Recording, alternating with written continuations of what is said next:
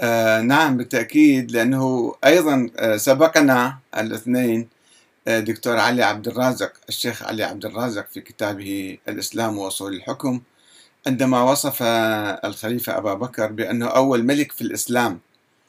ويعني هو آه، كانت له رؤية جديدة وقراءة للخلافة الممتدة وكتب كتابه ذلك بعد سقوط الخلافة العثمانية.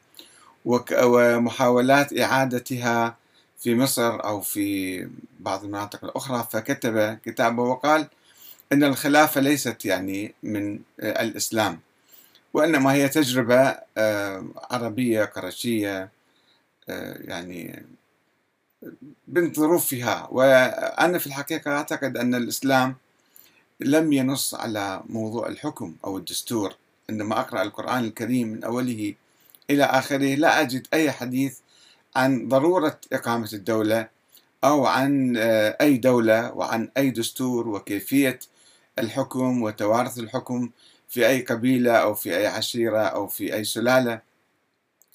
والنبي صلى الله عليه وسلم هذا أيضا مجمع عليه عند أهل السنة على الأقل أنه ترك الأمر هكذا لم يعين أحدا من بعده.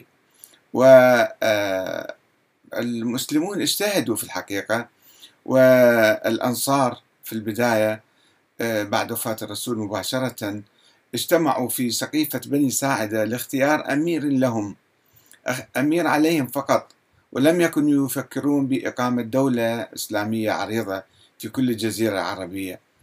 ثم آه، دخل المهاجرون القرشيون وأقنعوهم بأنهم يريدون تشكيل دولة عربية دولة في الجزيرة العربية يعني.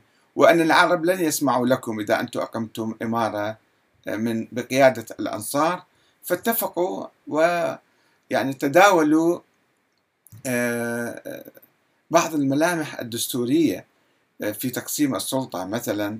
هكذا ينقل عنهم أن المهاجرين المهاجرين القرشيين قالوا نحن الأمراء وأنتم الوزراء. هذا أول آه، مبادرة أو محاولة لكتابة دستور أول فقرة من فقرات الدستور آه، على لسان عمر بن الخطاب. أن نحن الأمراء وهم قبلوا بذلك فشكلوا هذه الدولة. وطبعا في تفاصيل أخرى أن لا نقطع أمرا إلا بمشورتكم وأنتم تكونوا يعني معنا فهي تجربة من وحي يعني العقل الإسلامي أو عقل المسلمين في ذلك الحين.